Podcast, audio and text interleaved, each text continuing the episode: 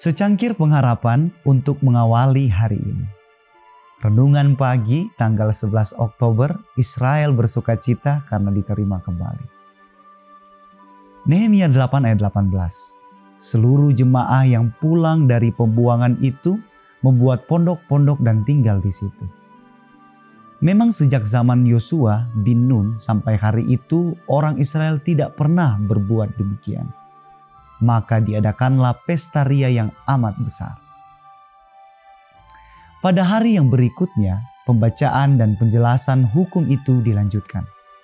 Dan pada waktu yang telah ditentukan, pada tanggal 10 bulan ke-7, upacara hikmat hari pendamaian dilaksanakan sesuai dengan perintah Allah. Dari tanggal 15 sampai tanggal 20, dua bulan yang sama, orang banyak itu dan para pemimpin mereka sekali lagi merayakan hari raya pondok daun-daunan.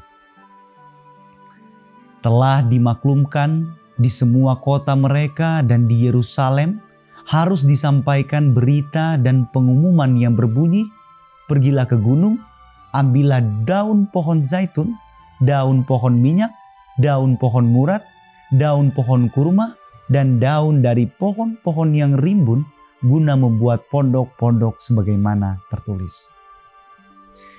Maka pergilah orang mengambil daun-daunan itu, lalu membuat pondok-pondok masing-masing di atas atap rumahnya, di pekarangan mereka, juga di pelataran-pelataran rumah Allah.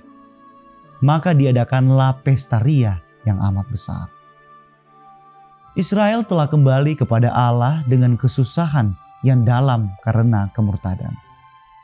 Mereka telah mengadakan pengakuan dengan berduka cita dan menangis mereka telah mengakui kebenaran Allah yang mengurus mereka dan telah berjanji untuk mematuhi hukumnya. Kini mereka harus menyatakan iman dalam perjanjiannya.